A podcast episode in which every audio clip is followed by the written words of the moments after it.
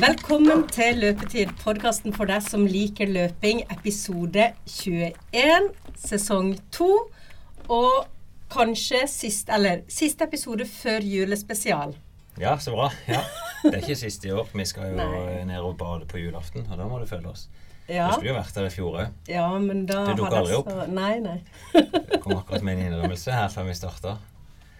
Det var Ja. kjæreste ting på gang på julaften som gjorde at du droppa Ja, julespesialen i fjor. det. Åh, Det er i hvert fall endt godt, da. For du er kjæreste med denne karen Mhm. ja, ja, ja, ja. Du, Vi skal ikke ta mer om det, men velkommen ja, til episode 21. Det er ganske lenge siden vi spilte inn. Vi var jo rett før New York Marathon. Da hadde vi Gjermund Steinsland i studio. Vi hadde mm. løpt New York Marathon. Mange som fulgte med på, på nett, eller på, jeg la ut ganske mye på Facebook mens jeg var i New York. Men altså ikke noe episode. Og vi har hatt litt tekniske problemer òg. Eh, ja. hva var det som skjedde der, egentlig, Anna? eh, tekniske problemer Ja, plutselig forsvant alle Ja, podkastepisodene våre. jeg fikk bare begynt å få masse meldinger om at de ikke lå ute, og jeg gikk inn og prøvde liksom å ordne opp i det, men det er jo du som er teknisk ansvarlig på Nettopp. den biten der. Så jeg begynte å sende meldinger til deg, og du er jo eh, Jeg kunne jo ha skrevet en kriminalroman om deg. For du Nei, det kan du ikke. eh, Når du liksom sånn der Du legger ut at du holder på å dø i New York, Ja. og så blir det helt stille. Ja, ja. Så, så hører jeg ikke noe mer fra deg, og så begynner jeg å tenke Ok, skal jeg bli sur og si sånn Nå må du liksom svare på melding. Eller tenk hvis det er noe veldig alvorlig. For en gang så hadde du havna på sykehuset ja, med hjerteflimmer. Jeg tror du alltid må tenke det beste. Men det er lov å, å stramme neven av og til. Men, det, Men i hvert kan, fall så var det jo bare kortet ditt som hadde løpt ut. Ja, det var ikke mitt heller. Det var eh, Med å bytte daglig leder, så var kortet Mm. til Joakim, som var forrige lederen, som vi hadde lagt inn. Hans gamle firmakort. Eh, og det var fort gjort. Det bytta jo bare nesten samme dag. Og sa «Vutt, tommel opp, problem eh, løst. Det var det ikke. For da løste vi det fra at det var to episoder tilgjengelig, til at det ble ti. Jeg bare Ja. sjekka liksom, å ja, der kom alle episodene opp igjen. Jeg bytta en sånn betalingsplan da fra Han gikk tilbake til basic, Ja. og så ble oppgradert til pro. Men vi har den meste, vi har lagt ut snart 50 episoder. Så det mangler ganske mange, så jeg fikk eh, mye meldinger på det sjøl. Men nå er vi altså ute med alle episodene. Ja, så vi beklager. Jeg har prøvd å svare alle som har sendt melding sånn etter hvert om at det kommer, og vi jobber med det. Men hvis det er noen som ikke har fått svar, så vet dere i hvert fall det nå. At eh, alle episodene ligger ute. Og Men det er, ikke, det. ja, det er ikke dette podkasten handler om, egentlig. Det er jo løping. Ja. ja, åssen går det med din løping? For det, det var jo så eh, dramatisk sist gang vi så det. I New York. Ja. Ja, det er dramatisk. Det var, jeg tror i hvert fall de som fulgte med på Facebook, så vel en mann som var ganske grønn i trynet og satt og prøvde å holde seg oppegående etter målgang. Eh, da var jeg dårlig. Det i hvert fall de som kjenner meg, det er lett å se. Så etterpå det føy jeg ned i T-banen, eh, rett på en dass og spøy. Og fikk kramp i magen mens jeg spøy, og kramp i halsen. Så det var, det var en ganske sånn kjip opplevelse. Men vi, før vi analyserer hele New York, så vi går inn og så kan folk høre gjennom det jeg klarte å spille inn. Jeg hadde vel mest av mobilen min, tror jeg spilte inn på. Så du sa at det er noen av klippene som er borte vekk. Ja, noen ble eh, dessverre ødelagte Ja. i, i redigeringa, men vi har med nok stemning, i hvert fall. ja men til meg litt av stemninga, og så kan vi dra litt erfaringer nå etterpå. Ja. Så nå, vet du, da er jeg på plass i New York på hva heter det for noe, Javits eh, Conference Center. Der vi henter ut startnummer. da. Så jeg har akkurat vært og henta mitt startnummer. Startnummer 482. Eh, det er litt stas, for det er jo fra startnummer 100 opp til 73 999. Og det er helt oppe i venstre hjørne, så kan jeg hente startnummeret mitt. Og der står det altså Sub Elite Buss. Og jeg skal ha en egen buss da, sammen med Eliten fram til start. Så det blir jo nytt for meg i år. Det er fjerde året jeg stiller her, og eh, første gang jeg skal ta den Sub Elite-bussen. Og det har jeg også fått mulighet til, for jeg sprang under 2,35 i fjor på maraton. Og da er det jo i hvert fall mulighet for å komme innafor dette. Vært og reist siden klokka fem i dag morges, og nå er klokka seks på kvelden her, eller nesten halv sju. Men det vil si nesten midnatt hjemme i Norge. Så det er blitt noen timer på reise. Begynner å bli ganske sliten. Og fortsatt ikke helt kvikk. Eh, russen i halsen og sånn. Trøtt, men eh, veldig stor forhåpning på at jeg er frisk før starten er på søndag. Ja.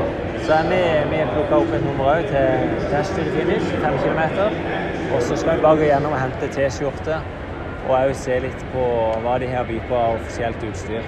Vi må rett og slett haste litt gjennom, tror jeg, for klokka er blitt uh, sånn at ja, det er 20 minutter igjen før de stenger. Men eh, god stemning hører ikke. Det, det er jo tusenvis her inne nå òg, selv om klokka er seint fredag kveld. Og vi kan jo hente ut starten i morgen. Eh, men jeg kjenner jeg gleder meg. Det er godt å være tilbake. Lørdag morgen. Og jeg har vært nede og sett starten på noe som heter Dash to Finish. Det er sånn fem kilometer mosjonsløp som er dagen før maraton. Og selv om dette det er liksom et helt sånn usynlig løp oppi dette, men det er ca. 10 000 løpere som er med her òg. Så det jeg gjorde nå, var at jeg, jeg, var, jeg så på starten, og så hang jeg meg bare på. Nå springer jeg bare gjennom løypa opp til mål. Disse er målgang i parken samme sted som maraton er i morgen. Så de ble sendt av gårde fem minutter mellomrom, og så kom de store mosjonsgruppene. Bare hvert minutt, og så gikk det en ny storbølge. Det, det er helt tett på. Selv om jeg bare jogger her, så jogger jeg jo forbi veldig, veldig mye folk. Og noen som tydeligvis er i V-form og rusher forbi grupper. Nei, dette er kos. Jeg gleder meg til i morgen. Dette blir jo bare min lille treningsøkt i dag for å kjenne at beina er sånn som de skal. Jeg begynner å bli friskere òg, det er litt godt. Fortsatt snørrete og hoste opp litt sånn slim, men mye bedre i dag enn jeg var i går. Jeg har løpt 3,5 km. Akkurat kom inn i Central Park her. Eh, vi har bare løpt opp gjennom Det er ganske tøft å opp gjennom Manhattan gjennom det som er Sixth Avenue. Så runder vi forbi Apple Store, Trump Tower, som vi ser rett oppå nå. Og så inn i parken. Og det er en fin sånn fin bilvei da, som er, mange driver og springer på til vanlig. Nå er det bare tjåka med folk da, i ja, alle aldre og alle mulige kostymer. Men folk tar det seriøst. Jeg ser folk tar i, og ja, noen springer i par. Mange fra Norge så de springer med norske flagg. Eh, jeg bare løpte og koste meg. Eh, det er rart, jeg har vært gjennom en flytur, og dagen før et løp så burde jeg jo på et vis bare hvilt, men det føles eh, ordentlig dritt i beina. Men sånn vet jeg erfaring at det er dagen før et løp. Ting kan kjennes tungt. Så en bare går gjennom denne turen. Jeg kommer til å ha et par lette drag på ett minutt til slutt. Et par sånne i, i den farta jeg skal springe i morgen. Og så ser vi til ro til at jobben er gjort. Men jeg springer gjennom denne traseen fram til målet og så får jeg med meg hele god stemninga. Sånn, da står jeg på rommet mitt og har gjort meg klar til start. Det er faktisk nesten et døgn i forkant, så dette er jo litt tidligere enn jeg pleier.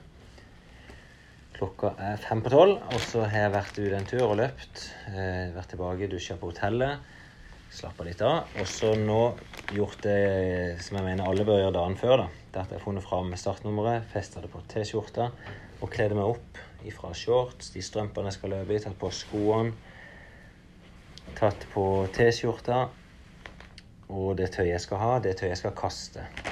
Og så i tillegg da pakka med bare sånne enkle ting. Vaselin, det er lurt å. Jeg har tatt med noe headphones til musikk. Tatt med noe til å smøre Nei, til å ta på nipplene på. En ekstra sjokolade til jeg kommer i mål. Noe Ibux hvis jeg skulle ha bruk for det etter målgang. Og så litt ekstra tørt tøy. Det er liksom nå jeg klarer å tenke på det. Jeg vet at når jeg skal opp klokka fem i natt, så kommer ikke jeg til å være klar i toppen. Og da sitter jeg noe bekymring med dette òg. Eh, vettet ligger klart, så jeg kan bare stå opp. Så ligger alt tøyet bare ferdig strigla. Og så har jeg et metrokar. Det er verdt å sjekke hvor metrostasjonen er hvis jeg skulle ha behov for det. Jeg vet hvordan jeg skal komme til hotellet etterpå. Og så er jeg selvfølgelig med noen dollar ekstra bare i kontante. Det hadde jeg ikke klart ennå. Eh, ja, jeg ser ennå jeg, jeg trenger noe jeg kan kaste på overkroppen. Så jeg har ikke lyst til å kaste klubbjakka mi, så jeg finner noe i løpet av dagen. Men da er jeg ready to go. Og klokka er tolv, ja. Bare tenke. Tolv timer fram til midnatt, og så pluss fem timer til. Skal vi stille klokka tilbake. 6, 18 timer til start. Nei, 18 timer til transport. Så ja. Jeg er klar. Ja, da er det tidlig morgen, Løpsand. Og vi, vi møtte en kamerat, Ole Kristian Hegeme, som vi labba fra hotellet opp til fire busser som skal ta oss ja, ja, lite over og fram til start. Det er veldig sånn viktig. da. Eh, Vi står ordentlig bak gata i kål mørke. Sammen med Vi er jo 50 menn og 50 damer. Vi kikker litt på hverandre, og det, vi møtte, det er to andre nordmenn som er med i det samme feltet. Og så er det folk fra ja, Det ser ut som hele verden, altså. Så på sida av Brasil. Så nå er det noe sånn eh, sikkerhetsscreening. Så det er samme sikkerheten her for oss som skal ha sub-elite. Før vi kan komme inn på bussen. Det er litt sånn artig. Jeg snakka jo litt om dette på forhånd, hvordan sånne sub-elite-løpere ser ut. Og det er i hvert fall med sånn viss alvor de sender veldig mange, og særlig mennene. Eh, henger langs veggen, drikker med kaffe, kikker litt tomt foran seg. Men eh, jeg kan, oss, oss nordmenn er i hvert fall smilende, ja, så det er bra. Skal vi skal inne, så bor på bussen, så er vi en time og halvannen for å komme oss ut. Skal vi kjøre oss en time på Ocean Breeze Arena. En vanvittig flott innendørs friidrettsbane, eller friidrettshall egentlig, da. Så ligger det stjerneløpere strødd. De ligger på fysioterapeutbenker og blir knadd opp og ridd på. Hofter som trekkes opp, ser jeg. Sånne typiske kiropraktorgrep der de knekker seg opp litt i ryggen. Eller så sitter de i sånne grupper og snakker med hverandre. Gjør seg klar. Klokka er 8.07 på morgenen, og det er jo nå ja, 1 time og 45 minutter sånn til start. Og vi er blitt kjørt ut av den sub-elite-gruppa. Eh, veldig artig da, gjennom Manhattan, der vi har fire busser som kjører nedover med politieskort i front, og så motorsykler som kranser rundt oss på sida og blokkerer hvert eneste kryss hele veien ut til Staten Island. Men det tok sin tid, da. Det det er et stykke ut, og så kjørte de veldig sakte. Veldig kontrollert hele veien. Eh, så vi sluppet av da, til den innendørshallen. Eh, masse sikkerhet der med politifolk overalt. Eh, da er det jo eliteløpere og sub-eliteløpere som er samla her, og vi får servert kaffe og sportsdrikk og sjokolade og det som er. Bagels er det vel. Mye sukker. Eh, ja, så skal vi være her i ca. to timer, og så blir vi da jeg tror 40 minutter før start. Så må vi levere fra oss tøyet, og så blir vi kjørt ut til starten. Og noen tror jeg nok kommer til å varme opp litt. Noen har faktisk begynt å jogge litt her nå. Jeg tenker det er bare litt sånn nervøse trekk. Tross alt skal vi springe 4,2 mil, så vi ikke har effekt av den oppvarminga nå etterpå.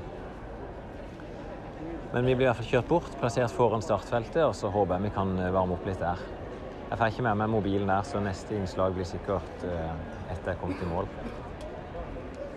Men veldig, veldig fint å være her, da. Jeg har jo vært på noen løp før sammen med eliteløpere og sett, så det er jo det samme greia som er her. Men akkurat nå er det spesielt at jeg er inne som utøver sjøl.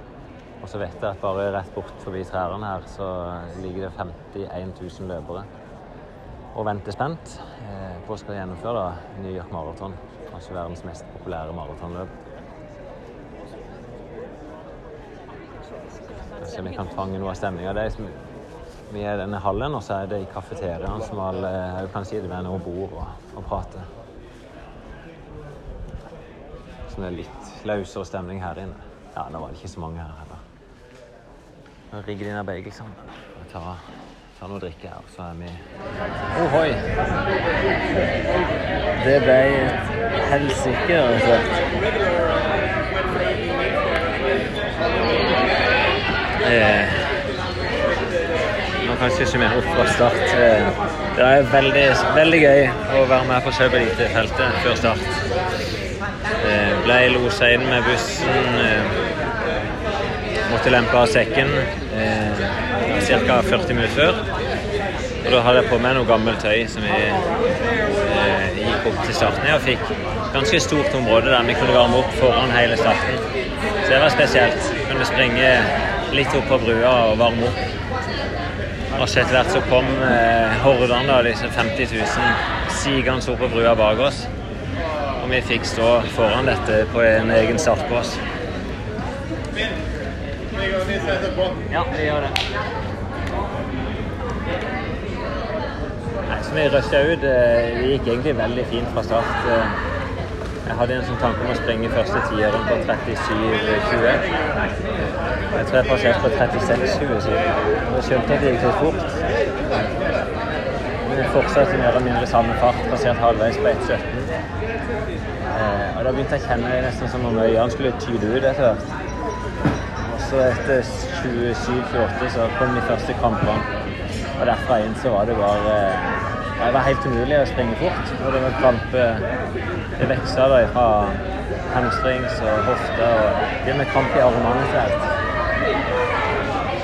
Så det var eh, egentlig bare om å gjøre å komme til mål. Det gjorde jeg for så vidt, men det, det er ikke løping på slutten. Det er bare bralting. I mange partier så måtte jeg bare eh, stoppe og gå. Det gikk ikke an å springe ned kampen.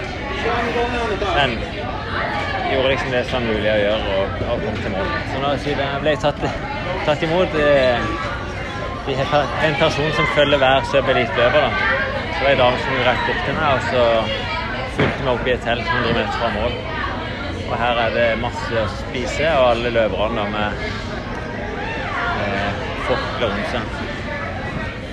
Ja, nei, jeg får hvile Ja, litt. Ja, altså. eh, i Komme like tilbake. at du klarer jo å artikulere deg veldig godt for det om Du sier jo at du er dårlig, men Ja. Sånn, Det er jo radio, dette her, da, så eh, det går jo ikke an å se det. Men du var skikkelig, Ja, det var- jo sånn Jeg måtte jo bare kjenne at jeg fortsatt var syk når jeg våkna opp om morgenen i New York. Eh, Men gjorde jo det beste ut av det. Det var jo en fantastisk opplevelse for meg å være med på det her Sub Elite-programmet. Helt absurd å ligge i en gymsal ja, en time før starten på New York Marathon, og du vet at det er 50 000 løpere rett bortenfor. Og der er vi i en gymsal, jogger litt rundt på en innendørsbane sammen med hele verdenseliten. Eh, Og det føler jeg litt liten. Eller i hvert fall gjorde jeg det. Så blir vi kjørt fram til streken, og så får jeg lov å jogge foran startfeltet da, rett før start. mm. Og det er stas. Og da kommer de gående slik som i horde opp imot oss, men blir stoppa ti meter bak oss. Så det var, det var fint. Og det, det er klart, det er en fordel at du kan jogge litt, kan ha litt tilgang på drikke. Og på Eh. donuts. Donuts. Ja, Ja. Hva, er det for noe på sånn løpe... Ja det, ja, det er kanskje mange som blir overraska at en spiser donuts uh, rett før, men det handler jo bare om å ha litt uh, rask energi i kroppen. Det er ikke sånn som mange tenker at du må ha kli og havre og sånt før et maraton. Du prøver bare å fylle med raske karbohydrater så kroppen er full. Alle glykogenlagre på topp. Og så er det jo det du tilfører underveis i løpet òg. Mm. Det er jo, ikke sant, Sportsdrikk er jo ren energi, så du vil bare ha flybensin hele veien. Ja. Og så er det jo akkurat det. Det er mange som, som lemper inn på masse sånne gels. Eh, Jeg er ikke sånn veldig fan av det, for jeg blir veldig kvalm av det, og det er veldig mange som blir det. At det blir for mye sukker. Det jeg tenker mest med sånn donuts, og sånn, det er jo at det er så fett at uh, hvis du begynner å rape mens du løper Det, ja, det, det er ikke sånne feite donuts som de oh, serverer ut. Det, er mer sånn, det minner mer om bagels, vil jeg kanskje si det. Okay. Men det er jo Duncan Donuts. De er jo hovedsponsor i Marathon. Det har jeg tenkt på. Ja. Men, Nei, det funker fint. Men under, underveis er det jo vann og sportsdrikk som er på Det er hver mile. Mm. Men eh, nå har vi jo hørt gjennom i hvert fall veldig med opplevelsen i New York. Og det er igjen eh, Dette er femte året jeg har vært der borte. Hvis folk kan reise på et stort maraton, så er det der jeg ville satt målet mitt. Sånn endelig. Oppleve dette en gang i livet, folkens. Og jeg hadde jo med følge til New York, og eh, hun sprang fem kilometer dagen før. Jeg, jeg tok jo og filma litt av dette. Det er jo et eh, løp som gikk fra FN-bygninga. Um, og så fem kilometer opp i parken, og så i målgang samme plass som New York Marathon. Uh, og det, det, liksom på nettsida så ser det ut som dette er bare sånn miniputtløp, men det var jo 12 000 løpere som var påmeldt der. Eller det var 11 000 ca. som fullførte. Men er det noen som tar dette fem kilometer i New York som sånn der eh, de skal perse på fem kilometer, liksom? Ja, det kan de nok, for det var amerikansk mesterskap samtidig. Mm. Så det var jo noe noen av verdens beste løpere stilte opp der òg. Og så var løpet rangert bak. Det blir jo sånn et ganske lite elitefelt. Kanskje 20 menn, 20 damer. Og så kommer A-løperne, som er kanskje sånne som meg, da. Som springer en fem kilometer på 15-16-17 minutter. Og så er det hordene bakover der. Ja, det virker jo Så, veldig så der jeg sprang, handla det om Jeg jogga jo inn i dette. og Jeg hadde jo ikke noe startnummer til det, men jeg bare liksom hang meg på og lagde en liten rapport. Eh, Det var en fantastisk god stemning inni der. Jeg har jo aldri vært i New York, men folk sier jo at det er en veldig spesiell følelse. Både Mm. arrangementet, men også det å være i byen, og hvor, hvor mye publikum og hvor støttende folk er til alle som kommer inn, liksom. Ja, ja. Det, og det, det opplever du alle dagene etterpå òg. Du kjenner jo igjen folk på ganglaget etterpå de løper maraton. At her, her er det noen som eh, halter, og de ser trent ut. Ja, da har du løpt maraton. Det vet du. Og mange labber jo rundt med medaljen etterpå. Ja, liksom sånn dagen etter. Ja, det, det, du skal det. Jeg må innrømme, jeg gjorde ikke det nå sjøl. det er det femte året, så jeg tenker i hvert fall første året så må du gjøre det og, kjenne litt på den følelsen av å være stolt at du faktisk er gjennomført. Det- er jo det det handler om. Så det jo, men så er det alt det etterpå. Vi fikk jo oppleve byen i New York. ehm, eh, så er det liksom bare å gjøre en trening etter, etter noe sånt. Nå er det gått en måned. Eh, normalt så vil jeg bare ta fri ei hel uke etterpå. Eh, og det er det veldig mange av de beste løperne som gjør. Eh, Du har sagt én dag på kilometeren før. ja, det, og da snakker du fra når du er løpt og tatt det helt fullstendig ut, til kroppen er helt klar igjen. Så kan, det er en veldig sånn grov tommelfingerregel, men etter et maraton så sier jeg i hvert fall en måned før kroppen er helt tilbake. Og du kan begynne normal trening. Men det betyr ikke at du må holde deg vekk fra Nei. trening en måned. Men at du trener lettere økter, da. Joggeturer, men du kan òg være med på intervall. Eh, For min del så er det typisk løpt kanskje to-tre ganger i uka etterpå. Mm. At du har respekt for kroppen din, da. At Ja, det. ikke er helt på topp eh, Ja. før etter en måned. Og det jeg ser på mange utøvere som prøver litt for tidlig, det er ofte at de kan gå på en smell. At det kjennes greit ut på noen få økter. Så akkurat som kroppen bare Han er ikke restituert, muskulaturen responderer ikke, og så plutselig skjønner du ikke hvorfor ikke du blir bedre igjen. Ja. Og ofte problemer med motivasjon òg.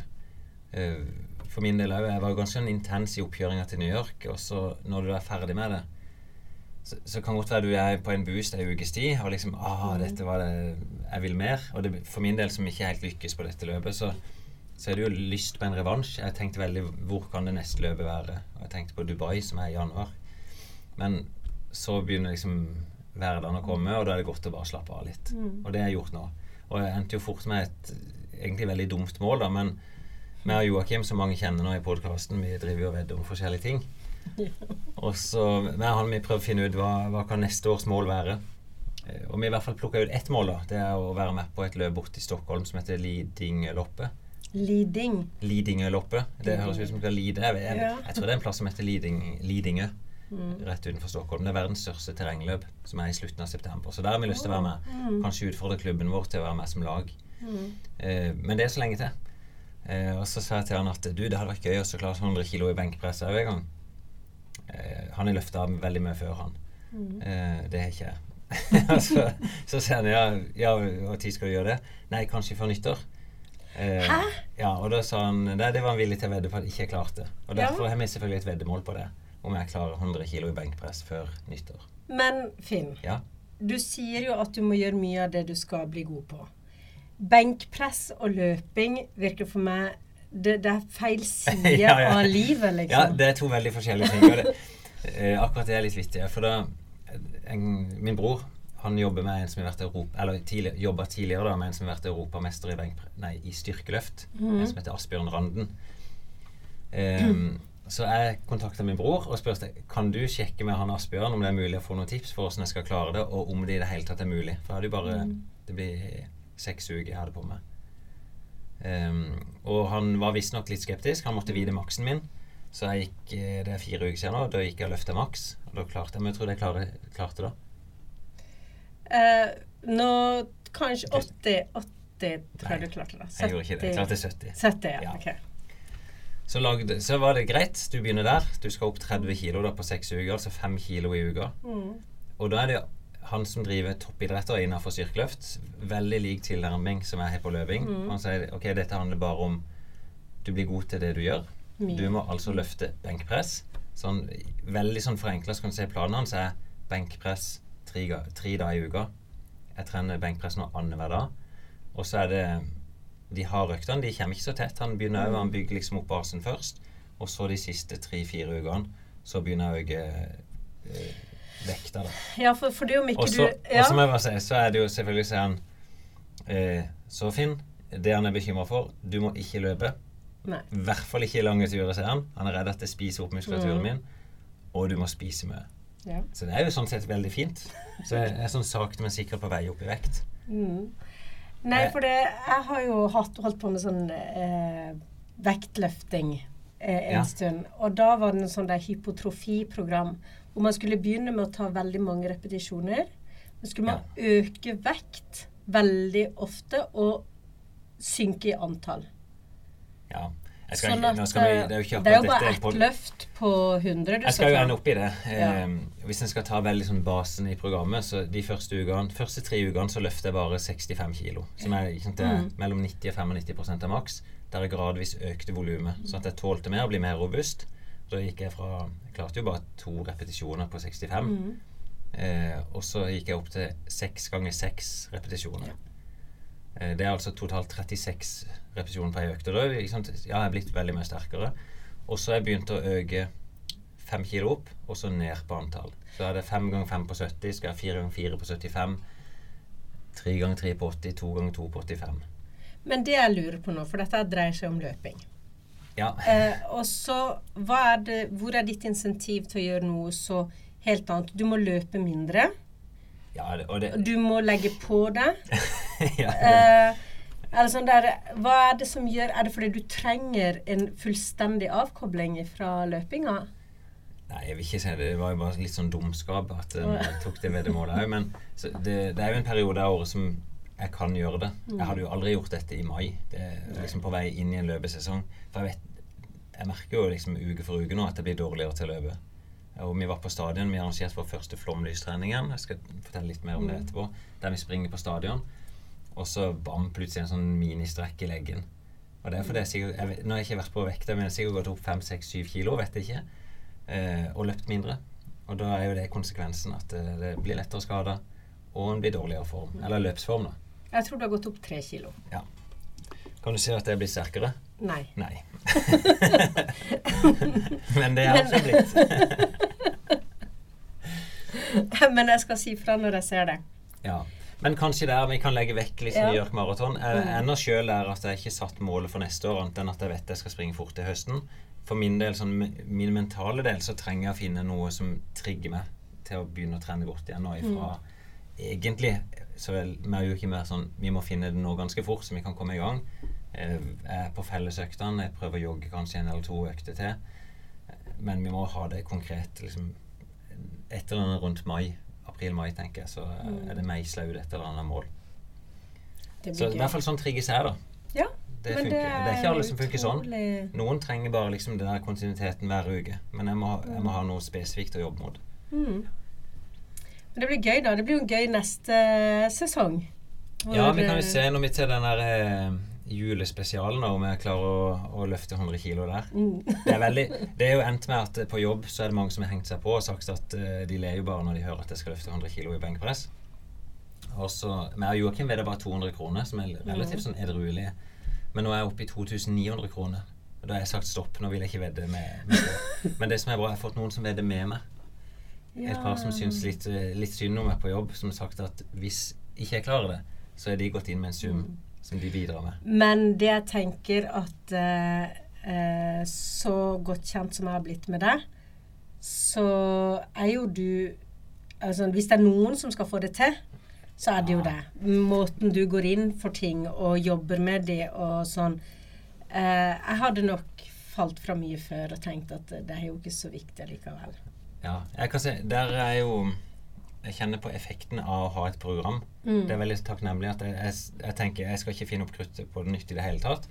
Det er en europamester. Han har løfta 290 kilo i benkpress, han karen som Mm. hjelper meg. Han har satt opp en plan. Hvis han forteller at den planen virker, gjør den planen. Så enkelt er det. Ja.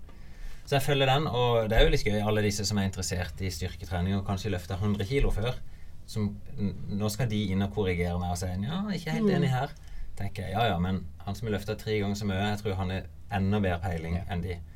Og jeg ser nok de, den samme feilen mange ønsker å gjøre, det er at de, de vil hele tida inn og teste. Hvor mye løfter du nå, spør de.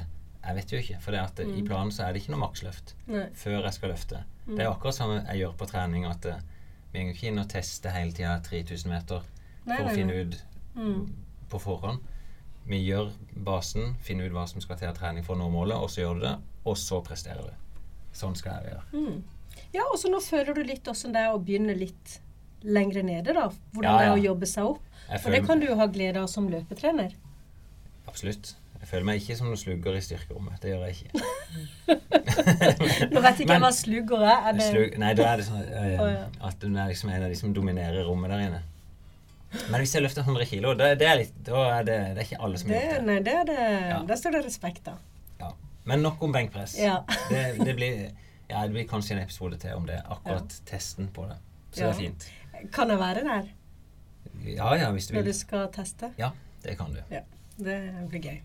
OK, men eh, Det har jo skjedd eh, Du fortalte meg da du kom inn i studio i dag, at eh, han som du var og løp med i Risør Ja, Willy at, Haugen. eh, Willy Haugen at uh, Du, jeg fikk en veldig trist beskjed, ja. Han Vi hadde jo han, Vi intervjua han aldri. Jeg hadde jo bare med meg til Risør. Hadde meg i fjor òg. Fortalte litt om livet hans. Jeg var over 80 år og sprang 15 km der borte. Og godt humør og eh, i bedre form enn de fleste av oss. Han døde nå på lørdag. 1. desember. Det var trist. Også på et vis han, eh, fint Han var ute med joggeskoene på. Møtte en kamerat oppe i Baneheia da, i Kristiansand, eller Bymarka. Eh, og kameraten gikk en runde, så plutselig fant han Willy død der på bakken. Vet ikke akkurat hva som har skjedd, men hjertet i hvert fall stoppa. mm, Så eh, ja, på et vis takka en gammel traver. mm. Stor En respekt som, for Willy. som du har fulgt gjennom din løpekarriere. Ja, han, han er en sånn som alltid har vært der. Veldig hyggelig og, og trivelig kar.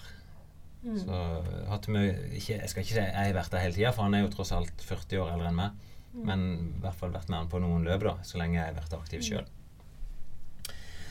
Eh, jeg, jeg kan ta litt om det, det er to ting som eh, Vi er på vei inn i vinteren nå. Eh, Noe vi får til her i Kristiansand som jeg syns folk rundt i Norge skulle prøve å få til, det er jeg kaller flomlystrening. Altså det er å oppsøke en stadion, vanlig friidrettsarena, spørre kommunen om det er mulig å slå på lysene, og så trene sammen i flomlys. Mm. Det Det vi begynte med nå, vi hadde trening nå på mandag.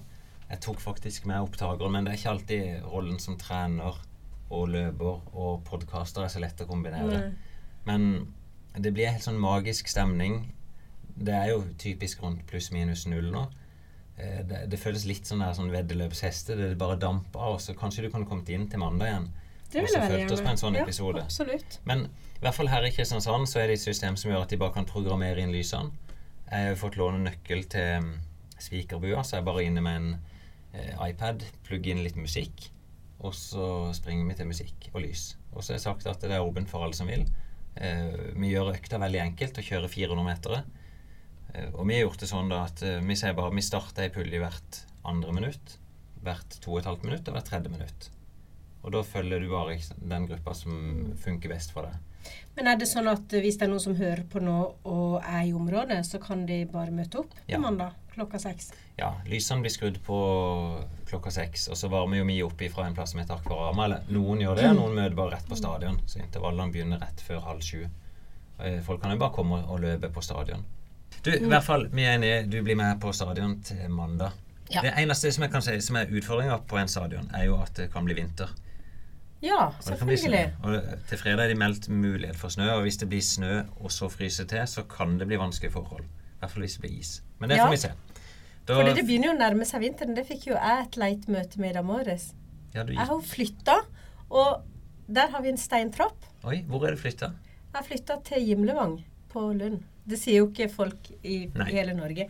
Men jeg har i hvert fall flytta, og eh, man, man venner seg jo til liksom hvordan forholdene er der man bor. Men når det er helt nytt, så jeg raste utfor trappa i dag morges, sånn steintrapp. Ja. Og det var så vondt. Og det var så vondt, og så var det så flaut. Og så var det alt på en gang. Og jeg var så sint. Men eh, det gikk eh, sånn tålelig bra. Jeg ble bare litt forslått. Men det er vondt. Det er vinteren er på vei. Mm. Jeg, jeg sa det var to ting. Det andre er jo vi har jo et julebad som begynner å bli en tradisjon. Jeg nevnte det i innledninga, men hver julaften siden Jeg vet egentlig ikke helt når, men ca. 15 år siden. Så har vi vært ute og løpt på julaften på morgenen.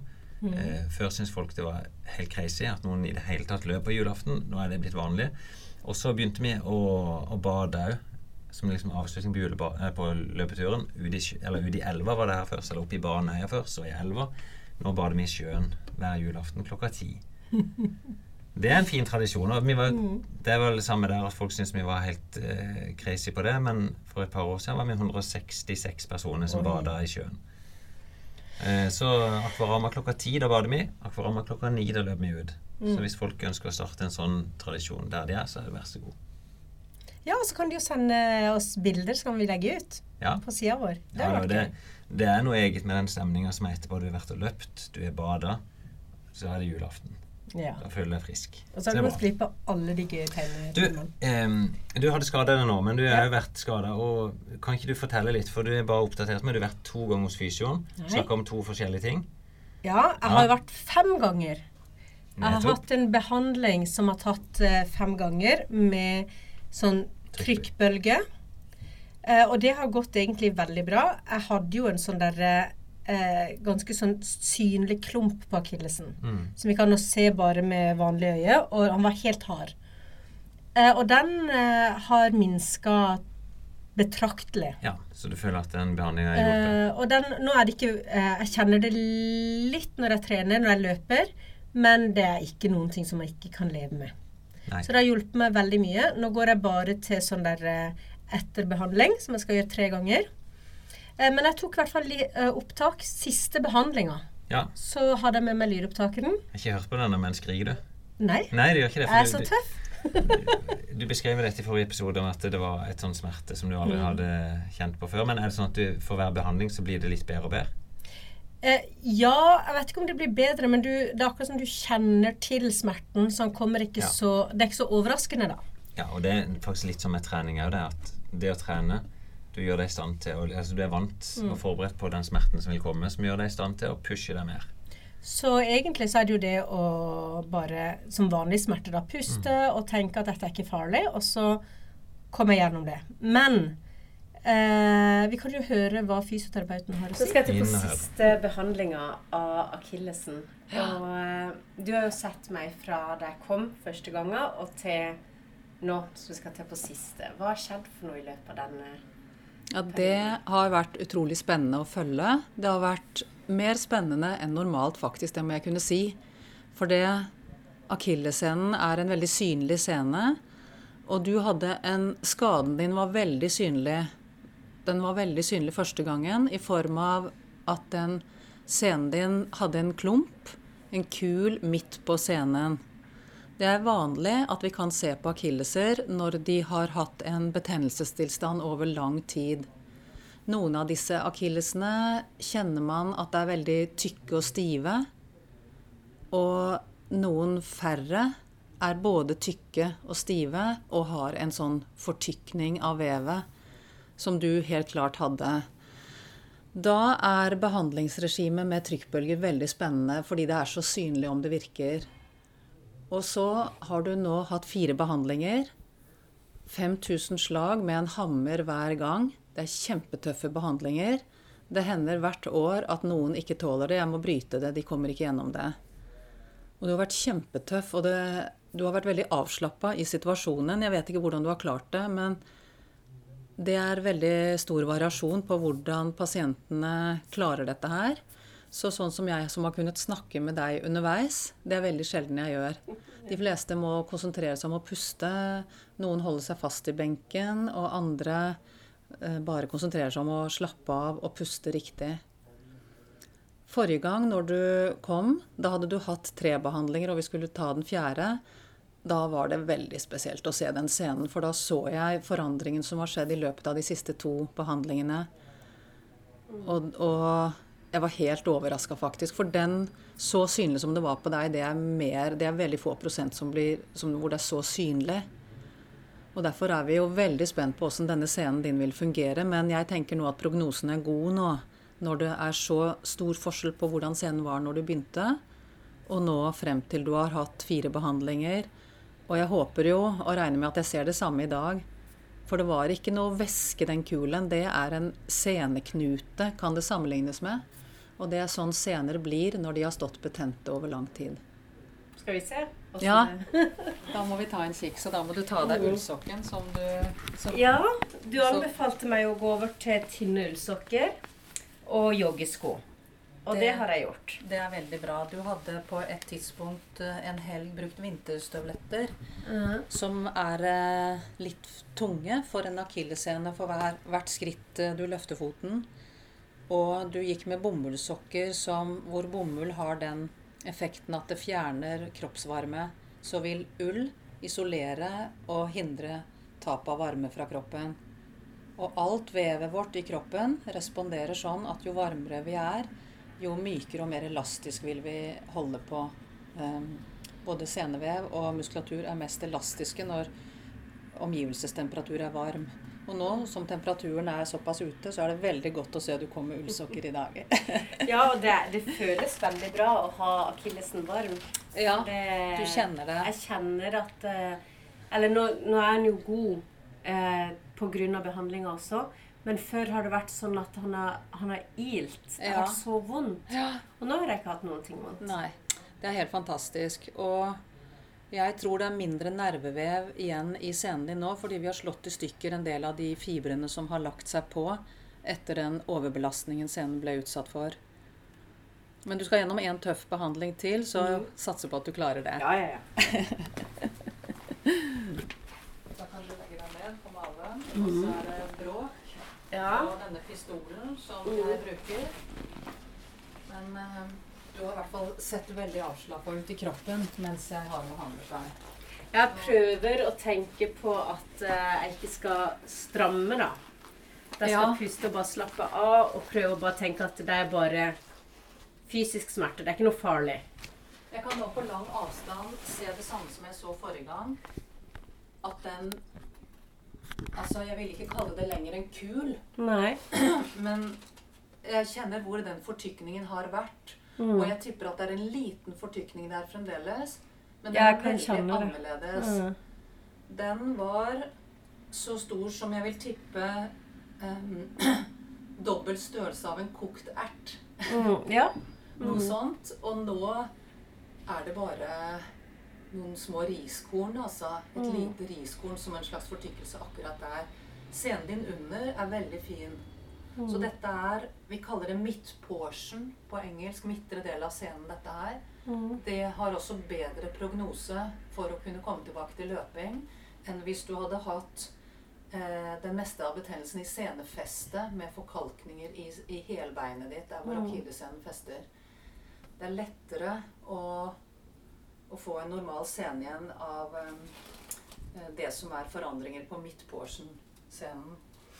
Du har også brukt en varmekrem som har vært veldig bra, og jobba masse med å massere og tørke. Mm. Og gjort en egenbehandling, og det er viktig. Og så har du gjort de riktige tingene i forhold til trening. Avlastning i forhold til løping. Og så har du gradvis bygd deg opp til å tåle å gå. Mm. Og så tar det litt tid fremdeles etter en serie med trykkbølgebehandling før du tåler å løpe igjen. Mm.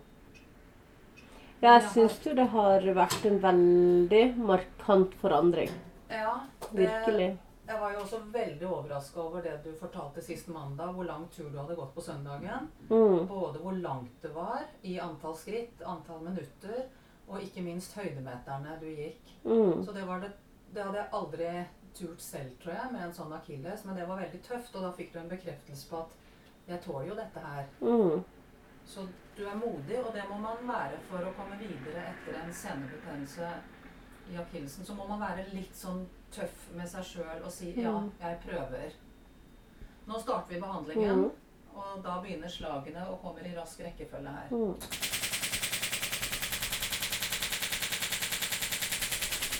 Så det er altså sånn det høres ut, dette her, kjære lytter. Når man får Og dette her, hver gang det hører den pistollyden, så er det et slag mot akillesen.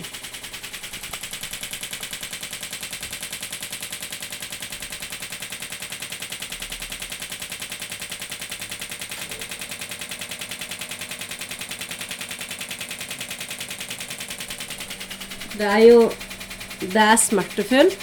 Spesielt når det nærmer seg beinet. Så gjør det vondt. Men når man vet at det blir bra, og det er ingenting vondt etter behandlinga, så er det virkelig verdt det, altså. Hvis det kan hjelpe. Eh, vi fikk jo i første sesong så var det noen som sendte oss eh, leser-lytterspørsmål om det og eh, At man hadde vanskelig for å holde på urinen Ja. Når man eh, var ute og løp. Og det har liksom sånn Det har ligget som en sånn dårlig samvittighet hos oss. Og i mitt hode så har jeg hatt en sånn der tanke om at jeg må spørre en gynekolog eller lege Ja, om det er, dette. jeg har jo spurt noen, men de, Ja. det er ingen som har vært villige til å stille opp i podkasten på det. Ja, og jeg kjenner ingen Nei. som, kunne, som det hadde vært naturlig å spørre. Men så eh, spurte hun fysioterapeuten, da, for det var en eh, lytter som kom med forslaget om at vi kunne snakke med fysioterapeut. Så spør jeg hun fysioterapeuten om eh, hun kunne svare på dette. Og hun sa ja, det hadde hun faktisk jobba med. Hun hadde Ja. jobba med kvinner som Fantastisk. eh, sleit med. Så vi kan jo gå inn og høre hva eh, Det er flere Ja, lyttere som har skrevet til oss og sagt at eh, de har lyst til at vi skal ta opp det med å holde på urinen når man løper, og spilt kvinner som syns det er vanskelig. Eh, og hva, hva er det som skjer? Hvorfor er det noen kvinner som har vanskelig for å holde på urinen? Ja, det er et veldig vanlig problem. Eh, Det er flere kvinner enn menn, men eh, det heter altså urininkontinens. Ufrivillig vannlating som eh, gjerne oppstår ved økt trykk på urinblæren, som det blir når man løper, hopper, til og med går. Det er veldig vanlig at kvinner i forbindelse med svangerskap, etter fødsel og i mange måneder etter fødsel egentlig kan ha problemer med å holde på vannet, som vi sier. Og ha en god funksjon i disse lukkemusklene og i bekkenbunnsmuskulatur, som er det som gjør at vi ikke får ufrivillig urinlekkasje. Disse musklene ligger mellom de to store hoftebena våre. Hvis man selv legger en hånd over urinrør og skjede og legger hånda si mellom bena bakover, så er det under her at man har bekkenbunnsmuskulatur. Eh, Det er, består både av ringmuskler rundt eh, åpningene urinrør, skjede og analåpningen.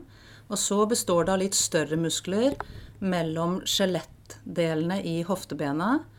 Og det kaller vi en slags kjøl. Det ser ut som en kjøl på en seilbåt. Hvor bekkenbunnen danner en slags trekantet eh, trakt.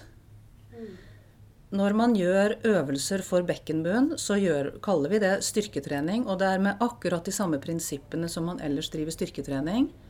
Med holdetid og antall repetisjoner. Eh, Dette kan gjøres da for alle som har problemer med å holde på vannet når man løper eller hopper, driver med ulike idretter hvor det er løp eller hopp eller gange. Man eh, må da, eh, akkurat som man løfter denne kjølen inn opp under seg. Man skal få en følelse av det hvis man da holder hånda si under mellom bena i skrittet under disse tre åpningene vi har. Så skal du få en følelse av at du løfter hele underlivet litt grann oppover. Det er den der vanlige sånn knipeøvelsen, som de kaller den. At du Ja. kniper alt sammen og løfter Ja, oppover. det er en kni du kaller, man kaller det knipeøvelse. I hvert fall gjorde man det i litt eh, gamle dager, holdt jeg på å si. Men vi forbinder kanskje ordet knip med noen småmuskler som bare dreier seg om disse ringmusklene, mens det egentlig er et veldig finurlig system av mye større muskelgrupper involvert. Vi er litt når vi instruerer i øvelser hvor man gjør disse knipeøvelsene, eller bekkenbunnstrening som vi kaller det, så er vi litt nøye på at man må ikke stramme mavemusklene, for de er de motsatte muskelgruppene av bekkenbunnsmuskulatur. Så når man skal tenke at man løfter hele bekkenbunnen opp inn i seg selv, så kan du se for deg en trakt som du flater ut og løfter opp inn i underlivet. Jeg prøver. Og det er ulike utgangsstillinger vi bruker dette i. Enten sittende på gulvet. Vi kan ligge på ryggen med bena i bøyd stilling på en benk. Det er fine utgangsstillinger, fordi da er ikke tyngdekraften påvirker ikke bekkenbunnen på samme måte som i stående stilling. Men det er lurt å prøve det også i stående stilling, gjerne med bena litt fra hverandre. Man skal huske på at man ikke skal stramme setemuskulatur, magemuskulatur eller lårmuskulatur når man trener bekkenbunnen. Det er andre muskelgrupper enn de tre store muskelgruppene som vi involverer i normal trening. Men hvis man da opplever det, at man er ute og jogger og man klarer ikke å holde på urinen, det kan alle bli friske av det? Eller er det, det noe... er, Jeg kan ikke si at alle kan bli friske av det, men det er veldig få som ender med operasjon, i hvert fall. Og de, det er liksom ikke noe å tenke på. Man alle driver med et program med tre måneders styrketrening for bekkenbunnen hvis man har problemer med det. Og man kan gjøre det egentlig hver dag. Det er ikke sånn styrketrening du blir sånn sliten av som man blir av annen styrketrening. Mens prinsippene for hvordan man skal styrke disse muskelgruppene, er lik som resten av kroppen vår.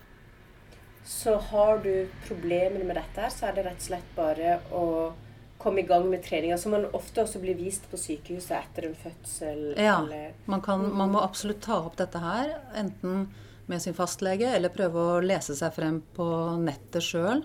Finne hvordan man skal finne disse muskelgruppene. Det er veldig essensielt vite hvor de er. Kanskje finne noen plansjer, anatomiske plansjer på Google og se hvor de er. Og så finne ut akkurat hvordan de skal eh, trenes, og det kan man bruke YouTube. Er det helt sikkert gode videoer på det? Og hvis ikke man kommer helt i mål med egen eh, hjelp, så er dette vanlig problemstilling vi fysioterapeuter forholder oss til. Så det er bare egentlig å bestille en time hos en fysioterapeut som kan instruere deg i akkurat hvordan du skal trene denne bekkenbunnen. For den er alltid mekanisk. Ja.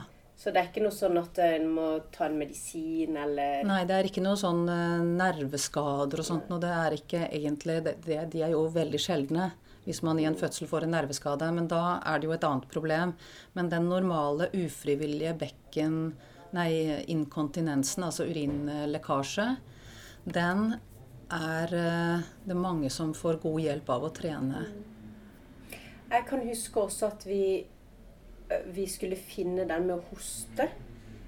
Ja, at man skulle hoste? Ja, liksom sånn la, Late som man måtte hoste skikkelig hardt. Ja. For da kjente du ja. Men man kjenner at det presser litt ja. livet, og det er den som skal ja, trekkes opp. Ja, det er akkurat det. For mm. hosting, mm. nysing er jo litt av det samme som skjer når man løper og hopper. At du får en kompresjon nedover. Så når buktrykket øker når vi hoster eller nyser, så er det mange som opplever det samme da med denne urinlekkasjen. Og det er nok da for å finne ut hva du må holde. Mm. Og man kan også, mens man er på do og tisser, så kan man prøve å eh, holde igjen på urinen bare for å vite at det er de musklene det dreier seg om. Men det er ikke en gunstig situasjon å øve på. For det er viktig å bli kvitt all urin når man sitter på do og skal tisse. Men det er i hvert fall de musklene du skal Det er en måte å finne denne bekkenbunnsmuskulaturen på. Ja. Så det er håp for alle, nesten? Det er det. Absolutt håp for alle. Ikke tenk at dette bare gjelder meg. Dette er et stort og vanlig problem. Og oppsøk fagpersonell hvis du ikke syns du kommer noen vei på egen hånd. Ja, Og ikke tro at uh, løpekarrieren er over. Nei. Det må du ikke tro. Nei. Nei, absolutt ikke. Mm. Så det er å smøre seg med litt tålmodighet, ja. trene opp forsiktig, øve seg på å finne den muskelen. Finne muskelen og trene mm. ordentlig styrketrening. Så ha, ha, veldig fokus på det med styrketrening, altså. Mm. Så det har jeg fulgt opp mange kvinner med. Du, er Så spennende. Så det, det, er bare å begynne å knipe. Ja. ja. Også... Også for oss menn. Å oh, ja. Nei, jeg vet ikke om det. Jeg bare hørte det skal være bra med knibing for menn òg. Ja, men, men, det er vel noe som begynner først når vi blir ganske gamle. At det begynner å lekke. Ja. Men knip dere. Knip dere gjennom jula, så kan dere løpe igjen til våren. Vi gjør det. Du, eh, det har ikke vært De fleste lytterspørsmål har vært om dette tekniske problemet vårt. Mm. Eh, det er et spørsmål som vi i hvert fall kan gå inn i, som jeg syns er interessant. Jeppe Sverdrup som spør oss. Han springer seks ganger fire minutts bakkeløp i Korken, kaller han det. Og det er sånn han beskriver Midtstund til Tryvann. Dette er altså Oslo. Eh, og da vet jeg òg Korken, det er jo korketrekkeren. Altså det er jo en bobbane på vei ned en agebakke. Så da han springer opp med økt VO2 maks som mål, så skriver han at puls eh, da ligger mellom 85 til 95 av maks. Ikke alltid jeg kommer over 90% Og da spør han først hva tenker du om en slik økt. Er den moderat eller hard i ditt vok vokabular? Og hva vil du si er effekten? Eh, normalt ville jeg alltid sagt at bakkeløp det er hard økte. Det er jo økte som du lett pusher deg opp imot maks. Så er det vanskelig da når, når bakkeløpene er så lange. Eh, det jeg opplever er at det er vanskelig å beregne farta på dem. At veldig mange de kan ende ut med å springe litt for hardt i starten, så blir du egentlig bare blir veldig stiv. Jeg vet ikke om Du, du er sikkert løpt i bakke sjøl. Får syre. Og så må du egentlig sette ned intensiteten, for du er så stiv i beina. Så du eh, Jeg syns det, det er lettere å anbefale folk kortere bakkeløp. At det er lettere å trø opp pulsen der. For da kan du, se hvis du springer 30 sekunder, så kan du gønne opp imot maks, og så gå ned igjen. Ikke, jeg er ikke en erfaren bakkeløper, men det, det er ikke, for nå begynner du å ta rollen som ekspert. Men det får jeg må høre. Nei, Ja. eh, men jeg har jo prøvd noen ganger. Og det som jeg syns er vanskelig, det er at beina ikke tar meg i det tempoet som kanskje Pulsen går ned, da. Fordi beina ikke er raske nok. Ja, jeg vet ikke om det er det som skjer, men du, du stivner nok i beina, og Mm. så klarer du ikke å opprettholde det trøkket som skal til. Men med, med god trening over tid, så vil bakkeløp være veldig godt stimulerende på, på VO2 max, altså at du pusher hjertet hardt. Jeg vil nok, som igjen sier, anbefale heller kortere bakkeløp. Da er du litt inn på det sporet som Henrik Ingebrigtsen og gutta, eller de brødrene holder på med. De springer sånn typisk eh, ja, kanskje 150-200 meter, og så jogger ned igjen. Og så heller flere repetisjoner. Han, han spør jo samtidig bør pulsen ligge konsistent over 90% på en økt som dette for å gi god effekt. Og sånn er det ikke. Det, kroppen er ikke en sånn maskin som liksom er av eller på. Eh, du har effekter av å jogge. Du har liten effekter på hjertet, men økende hele veien opp til maks. Eh, så det er ikke noe sånn magisk som skjer akkurat idet du bikker det ene eller det andre pulsslaget. Men det å holde seg på 90 er jo veldig mye. Du skal vel ikke kunne holde deg veldig veldig lenge på 90 Ja, jo, du kan si Anaerob terskel det ligger tett på 90% av maks. Så det er nok en intensitet du ofte kan holde i en times tid. Ehm, han, han skriver videre da, ser at folk som er Kristiansen er skeptiske til f.eks. fire ganger fire VO2 maks bakkeintervall, skriver han. Og så han henvist til et par linker der eh, Ingrid Kristiansen skriver om det. Og for de som ikke måtte vite det, Ingrid Kristiansen hun er jo norsk løper. Hun hadde en periode verdensrekord på 5000, 10 000 halvmaraton og maraton. Oi. Sprang 10 km med 30-13, sprang maraton på 2,21. Så dette er jo ei dame som vet hva, hva trening er for noe. Eh, jeg jeg klikka inn på de linkene, jeg kjenner Ingrid sjøl, og eh, det er ikke det at hun er skeptisk til fire ganger fire i seg sjøl, men hun skriver at eh, det er ikke svaret på alt. Det å pushe seg hardt i 16 minutter, det gir ikke effekt på all type trening. Og hun anbefaler nok folk, og det er særlig med tanke på motivasjon, at disse makstreningene at eh, eh, det minker sjansen for at du har lyst til å trene igjen. Eh, og det er litt det samme. Jeg sier at det, det er heller å velge litt større volum på økta. Altså vi, vi snakker om det samme. Spring åtte ganger fire eller ti ganger fire med litt lavere intensitet. Eh, så vil du kanskje ha samme eller mer effekt, men med en opplevelse av at dette er mye mer behagelig. Men da vil du kalle dette en hardtrening? Det er det litt Ja da, og det, det er det. Det er hard trening. Jeg vil nesten kalle det ei vond trening. da, ikke sant? At Mm. Du kan oppnå det samme, men med mindre belastning på kroppen og mindre vondt underveis. Mm. Så, eh, men jeg kan si en klassisk fire ganger fire-økt, altså fire minutter innsats bortimot alt du kan, det er noe vi bruker i toppforming. Mm. Nei, Toppforming? motsatt. Formtopping. Formtopping, ja. Så på vei inn i sesong, du, når du skal gjøre dine viktigste løp, så, så er dette økter du, du bruker for å, å pushe deg veldig hardt. Mm.